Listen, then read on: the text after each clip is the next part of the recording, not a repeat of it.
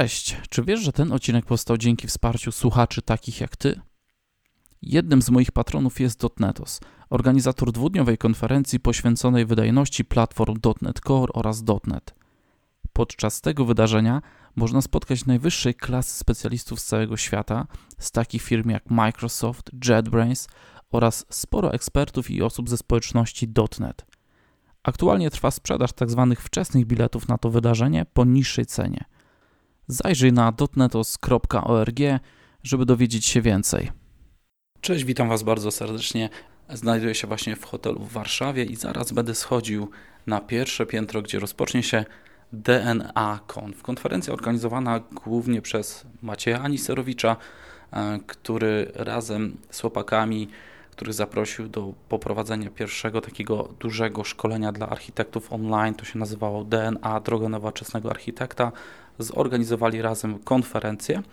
Konferencja e, o tyle może nietypowa, że prowadzenia w takiej dość luźnej atmosferze, można powiedzieć nie ma bardzo napiętej agendy, E, usłyszymy trzech prelegentów, tych głównych, ale również jest zaproszonych wiele takich, nazwijmy to, znanych gości ze świata IT, z którymi będzie można w różnych salkach, kącikach tematycznych porozmawiać. Dobrze, ja przemieszczam się powoli na hol, windą w dół, a wy czekajcie na dalsze relacje. W każdym razie jest godzina dziewiąta. Dzień dobry, rozpoczynamy naszą konferencję DNA Conf. Witamy Was wszystkich bardzo serdecznie. Dzięki, że jesteście tutaj dzisiaj z nami.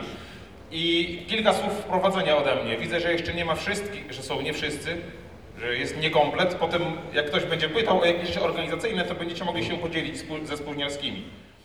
Nazywam się Maciej Aniserowicz, jestem przedsiębiorcą, e, kiedyś aktywnym programistą, teraz nieaktywnym i ogólnie robię e, różne rzeczy, które przyjdą mi do głowy. A dzisiaj w jakiej roli występujesz? Dzisiaj występuję w roli jednego z organizatorów i konferencjera na konferencji DNA Conf 2020. Opowiedz, y, co to jest DNA Conf? DNA to konferencja poświęcona architekturze oprogramowania, która jest organizowana pod brandem naszego szkolenia online Droga Nowoczesnego Architekta i wraz z mentorami Łukaszem Szydło, Jakubem Pilimonem Jakubem Kubryńskim wpadliśmy na pomysł w trakcie świąt, żeby zrobić coś fajnego i dobrego jednocześnie. Więc wymyśliliśmy, że zrobimy konferencję, z której cały przychód przekażemy na Wielką Orkiestrę Świątecznej Pomocy i tak też zrobiliśmy. E, powiedz, jaka jest e, konwencja czy struktura tej konferencji, bo ona jest nietypowa. Tak, jako że nie jest to konferencja komercyjna, ona nie musi na siebie zarobić, jakby my to wszystko sponsorujemy, więc możemy eksperymentować do woli. Wymyśliliśmy taką formułę, której nie widzieliśmy w takiej skali. Otóż mamy tylko przez cały dzień tylko trzy pełne prezentacje, prowadzone właśnie przez naszych mentorów, a cały pozostały czas jest poświęcony na tak zwane kąciki eksperckie w formule tak zwanej unconference, czyli są rozstawione w sali flipcharty, których jest chyba 10 i mamy różnych ekspertów wypowiadających się na różne tematy i uczestnicy konferencji mogą sobie wybrać, kogo aktualnie chcą posłuchać, bo to wszystko dzieje się jednocześnie, więc cały czas jest 10 tematów do wyboru. Ja wiem, że na to pytanie może jest za wcześnie, ale czy już na tym etapie myślicie o kolejnej edycji? O nie, teraz to ja tylko myślę, co się jeszcze zawali do końca dnia, więc nie, nie myślimy o kolejnej edycji. Zobaczymy, jaki będzie feedback, zobaczymy, jak teraz to wszystko wyjdzie. Na razie wydaje się, że jest ok, ale to na jakiekolwiek plany podsumowania to przyjdzie jeszcze czas. Jak mogliście zauważyć, ta konferencja charakteryzowała się takim dość luźnym podejściem do kwestii organizacyjnych. Widzę logo chociażby, czy strona będąca dokumentem w Wordzie. E, zależało nam na tym, żeby coś fajnego zrobić, nie zwracając wielkiej uwagi na to, na co konferencje komercyjne zwracają uwagę, czyli na jakąś całą otoczkę. Po prostu to ma być fajnie, ma być dobre jedzonko, fajne wystąpienia i bardzo dużo networkingu, interakcji, community, rozmów i tak dalej. Tak organizacyjnie jeszcze, e, widzieliście, że organizowaliśmy w związku z tą konferencją, i to będzie ostatnie słowo na ten temat, zbiórkę na WOŚP. I tutaj bardzo dziękujemy, bo zebraliśmy w sumie dzięki Wam 152 865 zł i 10 groszy. I tu wielkie brawa dla Was. Dziękujemy.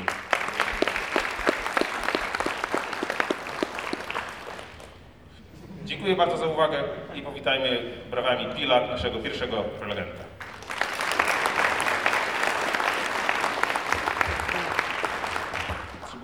Żeby rozkminić, jak to działa. Słuchajcie, jeżdżąc po y, szkoleniach, robiąc jakieś konsultacje, głównie z zakresu refaktoryzacji, czy też y, z domain driven design, albo z architektury właśnie, zauważyłem taką tendencję. Zawsze dochodzi do jakiejś takiej części, gdzie jest implementacja, część rozwiązania, no i jak to w implementacji pojawiają się jakieś testy. Tam, gdzie emocje, tam, gdzie testy, pojawiają się też emocje. I te emocje, według mnie, są lekko spolaryzowane, może nawet zbyt bardzo. Część zespołów ma taką emocję, u nas testy nie działają. Taka lekka nawet nienawiść, mamy specyficzny projekt. Inna część zespołów z kolei testuje wszystko, to jest taka platoniczna miłość, gdzie te testy może zbyt dużo nie dają, ale robimy je dla samej idei robienia testów. I wydaje mi się, że potrzebujemy, my jako programiści, architekci, jakichś takich pragmatycznych podejść, zrozumienia kompromisów, jaką strategię testowania kiedy wybrać. E, Cześć, jestem Andrzej Krzywda. Prowadzę dzisiaj kącik biznesowy na DNA konferencji. Myślę, że więcej programistów niż myślimy, e, niż ogólnie się zakłada, chciałoby założyć biznesy, tylko wielu rzeczy się boi. Ja tę drogę przeszedłem od programisty do kogoś, kto prowadzi biznes. I dzisiaj ludzie zadawali mi sporo pytań o przepisy, o formalności, ale też jak znaleźć współpracowników, jak znaleźć klientów dobrych, czy pójść globalnie, czy pójść lokalnie, jaki wpływ ma technologia na to wszystko, więc starałem się odpowiadać na bazie tego, co ja przeszedłem z Arkansas. Obawa wynika z czegoś konkretnego, czyli pewnie boisz się o finansową sytuację w tym wszystkim i po prostu trzeba być zaradnym, przygotować sobie poduszkę finansową, e, parę miesięcy na życie, żeby po prostu tego stresu nie było, bo też ten stres może powodować, że weźmiesz byle jakich klientów i jeszcze bardziej będziesz żałować, jeszcze nie dostaniesz żadnych pieniędzy i jeszcze bardziej się pogrążysz. Więc spokój można zbudować poprzez jakieś takie zaradcze środki typu właśnie budowa poduszki, nie wiem, czy znalezienie sobie więcej klientów naraz, czy budowanie sobie silnej pozycji na rynku, lansowanie się, robienie bloga, prowadzenie podcasta, e, budowanie jakby swojej eksperckości w ten sposób. Wiecie, tak, na takim etapie bym powiedział tego patrzenia na taki storming w ujęciu big picture, nie? gdzie się występuje załóżmy takiego w roli facilitatora, to bardzo fajnie można sobie też, że tak powiem, pomóc, jak się dorobi takiego własnego warsztatu e, i własnej kolekcji, bym powiedział, takich uniwersalnych pytań, którymi można triggerować dyskusję, nie? Bo czasem jest tak, że się pracuje w jednym zespole, ja znam tą domenę, w której jakby się poruszamy, nie?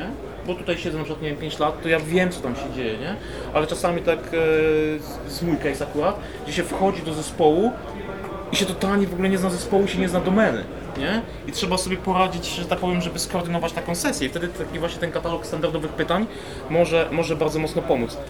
Tak, tak, bo jeszcze to jest druga sprawa. Ja jestem pospinany teraz tutaj jeszcze, nie? To są, wiesz, wszystko. A to jest tak, że jak roz- naprawię jedno, to może być tak, że to drugie się naprawi. tak, i tak jest. Ej, Albo się zepsuje jeszcze bardziej. I tak, i w ogóle będę. To, to ja mam pierwsze pytanie, czy to jest następstwo programu DNA, w którym braliście udział? Te, te twoje schorzenia? Moje dolegliwości? Nie, Nie, To, są, to są błędy jego DNA. dobre. dobre. Okej, to, to, są zacznę, błędy mojego DNA. zacznę tak oficjalnie. Mm, Mam tutaj e, przy sobie trzech głównych trenerów programu DNA, men, mentorów, Jedynych. jedynych. Czy, wiem, że jeszcze mentorzy jacyś e, byli, Z nie? W trzech programie. twórców mieliśmy bardzo sporo pomocnych reviewerów. y, Tomka Nurkiewicza, Tomka Stolarczyka, Marcina Markowskiego, Dawida Łukasza Kublika, Szczęsnego. Łukasza Szczęsnego, ale my jesteśmy trzema mentorami, którzy korzystali z ich wiedzy, żeby czasem na przykład jakiś temat przedstawić inaczej, bo z ich perspektywy można coś przedstawić lepiej. Tak, Więc my nagrywaliśmy, a oni nam pomagali w budowie wiedzy. Tak. Tak. jak chłopaki nam pomagali w pisaniu kodu i tak dalej. Więc ogólnie w samo DNA było zaangażowane kilkanaście osób, natomiast materiały wideo były przygotowane przez nas trzech. Ale oprócz tego jeszcze później na Slacku y, oni też i ludzie z firmy Bottega, eksperci, y, pomagali też innym uczestnikom y, w tym, Ogólnie było żeby... dużo ludzi, ale my nagrywaliśmy. Tak, my nagrywaliśmy, a- reszta pomagała. Bardzo Zakres jakby tego kursu, jego kaliber był bardzo ogromny. Co wam, jak już teraz się zakończy, to myślę, że macie jakieś przemyślenia, co wam osobiście sprawiło najwięcej problemów w realizacji tego? Z- zakres kursów. Mi, mi nie, mi nie zakres. Mi częst, część techniczna typowo, czyli e, zestaw sprzęt, z, zestaw go tak, aby ostrość była ok, żeby nie było pogłosu, żeby te nagrania aparat wyglądały z dobrą jakością. O tym możemy potem porozmawiać. Aparat był ok, tylko nie potrafiłem wyłączyć tego takiego prostokąta, który aparat, ostrość. no. Nie? Ale to, to już poradziłem sobie, założyłem, że, e, że to będą dwa dni. Trwało to dwa tygodnie. Deweloperzy w estymatach nie najlepsi są, też to mi wyszło. I potem takie rzeczy jak e, mówisz i się za, zaciąłeś, nie wiem czy też tak mieliście, y, a na prezentacji to jest okej, no, za, zaczął się, powie jeszcze raz, a tam masz nieskończoną liczbę prób, więc dla mnie to było trudne, żeby się przyzwyczaić do gadania do, do pustego pokoju. Tak jak w prezentacjach czy na szkoleniach mam doświadczenie, że gadam do ludzi, tak tutaj po raz pierwszy gadałem do kamery, więc te próby były nieskończone i to była masakra, jakby, czy jeszcze raz. Potem wysyłam Łukaszowi, on mówi, że nie, tutaj to zdanie mógłbyś wymienić z tamtym poprzednim. No dobra, nagrywam, a nie, jednak poprzednia wersja była lepsza. No już nie rób ze mnie takiego potwora tutaj, wcale tak często nie Ja było. się odwdzięczałem takimi uwagami też. Tak. Wiesz, u mnie też były ten, u mnie też były takie tematy techniczne w sumie, chociaż miałem dobry aparat. Ale, ale jakiś tam, dobry. Tylko, że tańszy. Dobrze, miałem poprawny aparat. Y, Ile tam mniej więcej osób się przewinęło e, w tej pierwszej edycji? 4000? Dobrze, czy y, z jakimi problemami oni najczęściej do Was przychodzili? Czy z tych 4000 można jakoś tam zgeneralizować, że najczęstszym problemem jest Ale mówisz o problemach... e, IT? Z, z, po jaką wiedzę oni przychodzili, przychodzili, jakie problemy chcieli tym kursem No, rozwiązać? Z racji tego, że, że kurs jakby pokrywał bardzo szerokie spektrum, to tak naprawdę y, do każdego tygodnia były jakieś różne pytania. Czy jak mówiliśmy o DDD, to były pytania związane jakby z DDD i okazywało się, że x ludzi ma problemy właśnie związane z tym. Jak mówiliśmy o RESTie, to okazało się, że ileś osób ma problemy z projektowaniem RESTA. Jak mówiliśmy o architekturze, nie wiem, o persystencji, to okazywało się, że o, super, że poruszyłeś ten temat, bo właśnie ten problem mamy w firmie. Więc tak naprawdę w każdym tygodniu było całe spektrum problemów i one były bardzo różne.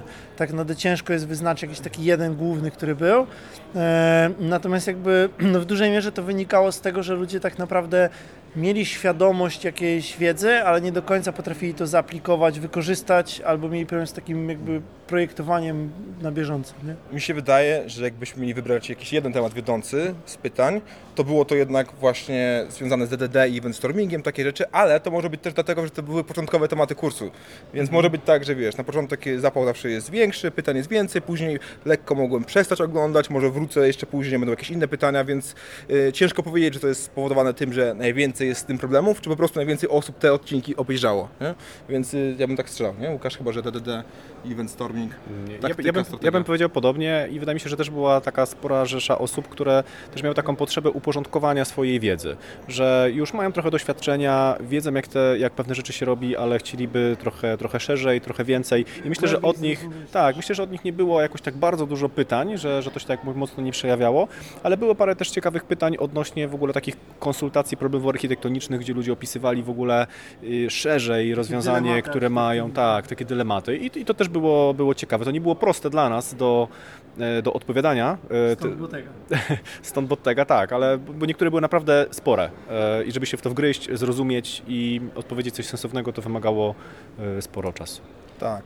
A z tego wynikały fajne dyskusje, bo zaczęli odpowiadać też inni uczestnicy, co było fajne, że się za- zaangażowali, inne pomysły e, wynikające właśnie z jakiegoś odcinka też, więc e, te dyskusje e, no, nigdy nie miały jakiejś konkretnej konkluzji, że zrób tak, tylko zawsze było zrób tak, wtedy wydarzy się to, a jak zrobisz tak, to jest szansa, że zyskasz to, czyli kompromisy, takie fajne myślenie się pojawiało. To, to był też jakby trochę nasz cel związany z samym DNA, żeby jakby pomijając to, że my jakby przekażemy jakąś swoją wiedzę i zrobimy to w skali, która jest nieosiągalna jakby szkoleniami stacjonarnymi, to chcieliśmy trochę zbudować community, aktywować ludzi do takich wzajemnych dyskusji. Stąd też w ogóle taka forma tej konferencji, e, na której teraz jesteśmy, że z jednej strony jest jakaś tam prelekcja, ale świetnie działają te kąciki tematyczne, gdzie faktycznie ludzie się bardzo angażują i jakby sami ze sobą zaczynają rozmawiać.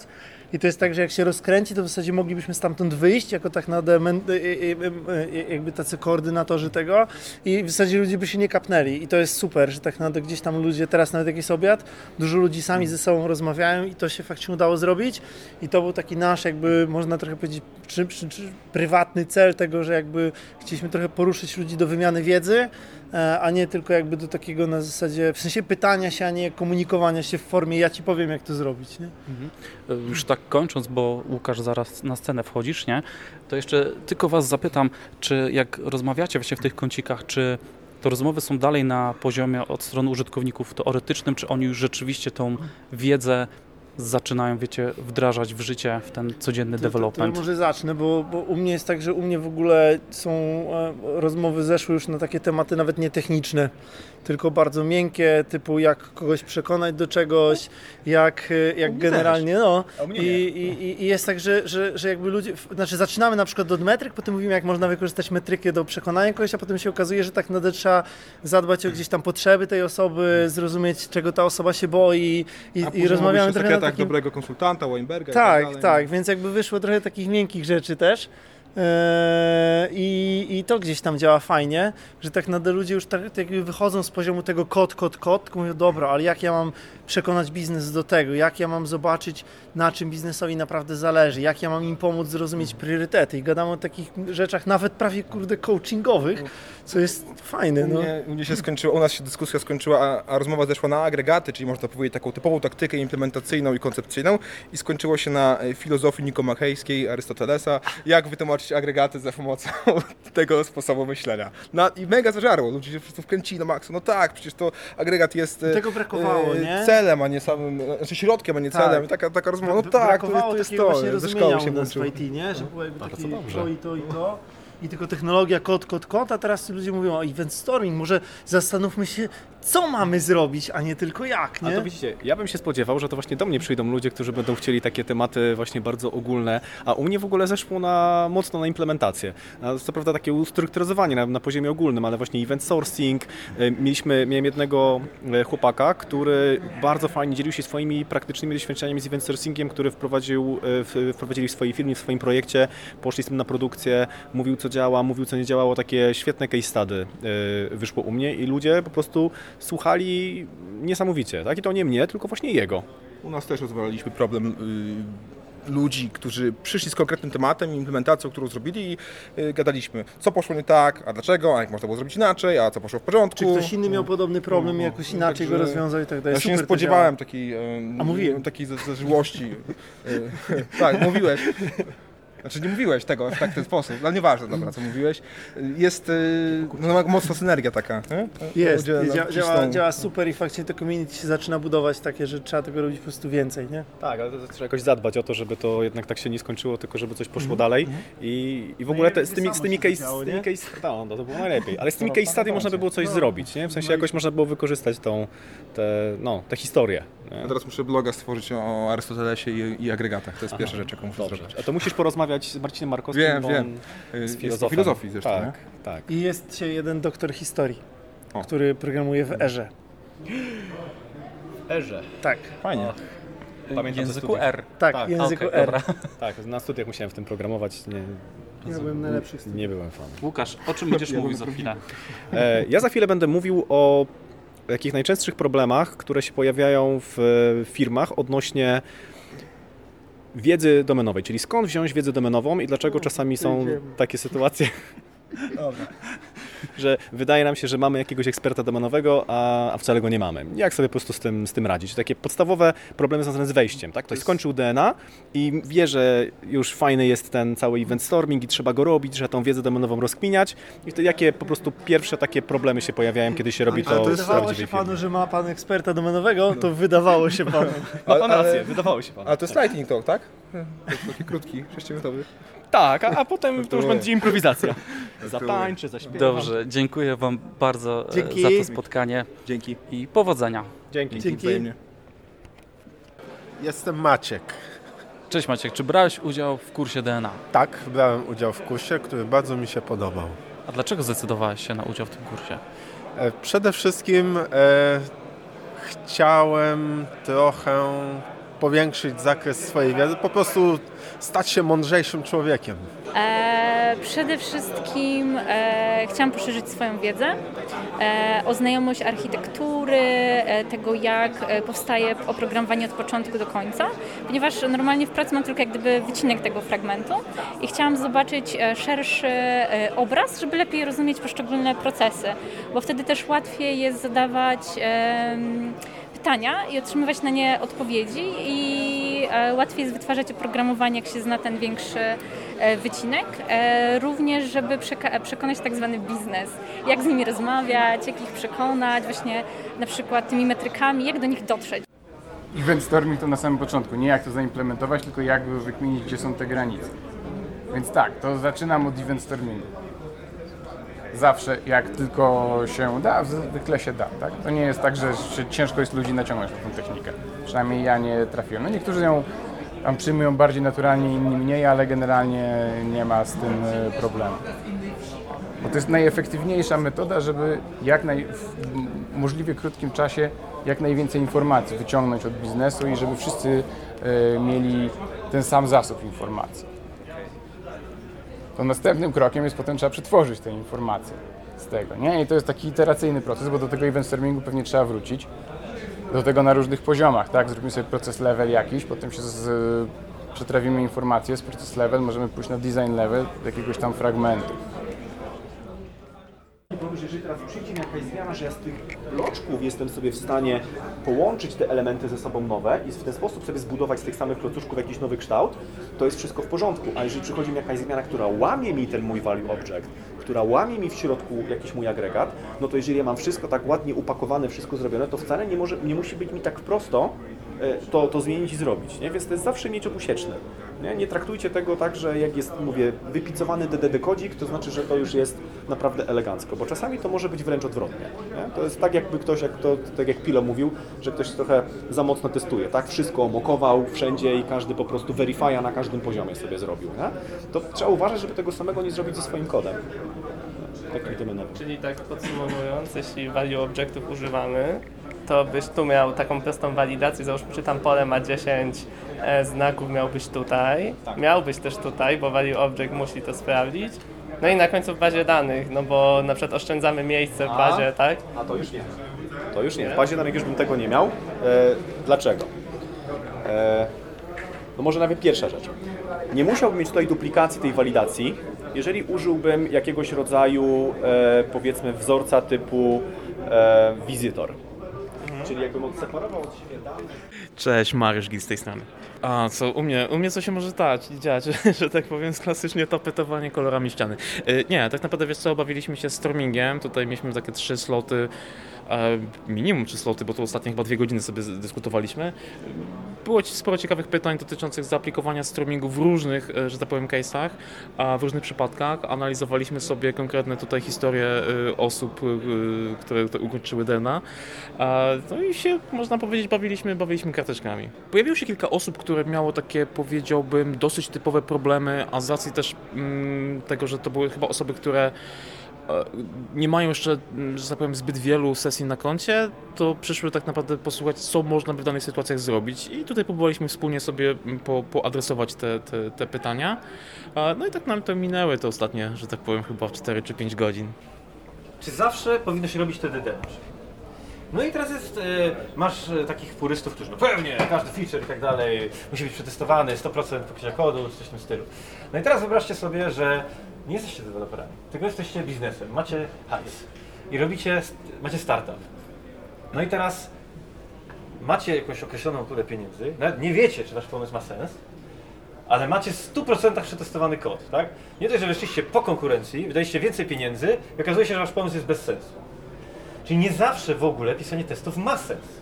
Co prawda jesteśmy w kąciku testowanie, ale czasami nie ma. Ale trzeba być świadomym tego, tak? Czyli powiedzmy, ktoś tutaj wspomniał o tym, że mamy do któregoś dnia regulację prawną. To robimy, dobra, słuchajcie, musimy zewrzeć szeregi, klepiemy to, napiszmy chociaż te testy takie wysokie, no, czy, czy ten feature działa. E, zaciągamy świadomy dług, który będziemy musieli potem spłacić, bo musimy się wyrobić w terminie, tak? Trzeba powiedzieć biznesowi, że gdzieś ten czas trzeba będzie znaleźć po to, żeby ten dług spłacić. Więc te decyzje, ja mam e, wrażenie, ja dopiero jakby zauważyłem to, e, jak zostałem tym architektem, jak faktycznie już e, zacząłem rozmawiać z biznesem o pieniądzach, że my jako deweloperzy nie gadamy z biznesem ich językiem pieniędzy, tak? Czyli można zacząć mówić, dobra, nie chcecie, żebyśmy pisali testy, ale to nas kosztuje na przykład tyle, przez to, że nie napisaliśmy tych testów. Pamiętacie, możecie powiedzieć biznesowi, pamiętacie, mieliśmy tutaj baga numer jakiegoś tam, że się wywaliło, że nie można było skorzystać ze strony.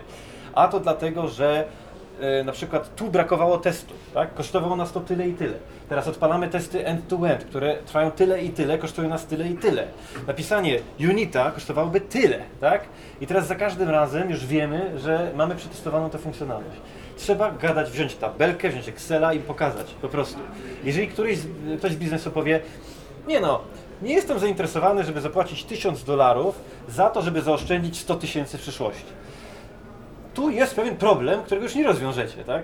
I po prostu warto LinkedIna zupdate'ować yy, i so- sobie czegoś tam szukać. Znaczy, Czyli gdybyś miał jakiegoś wir- e, jakąś wirtualkę która jest dostępna w firmie, no to stawiasz to coś, może nie jest to demonem szybkości, ale jest darmowe, robi robotę i normalnie, i wtedy w pliku npmrc, zamiast y, npmrc, zamiast publikować do globalnego rejestru, przekierowujesz na swojego hosta z tym, z tym, z tym gościem i wtedy masz y, Okej, prywatny, ale masz darmowy.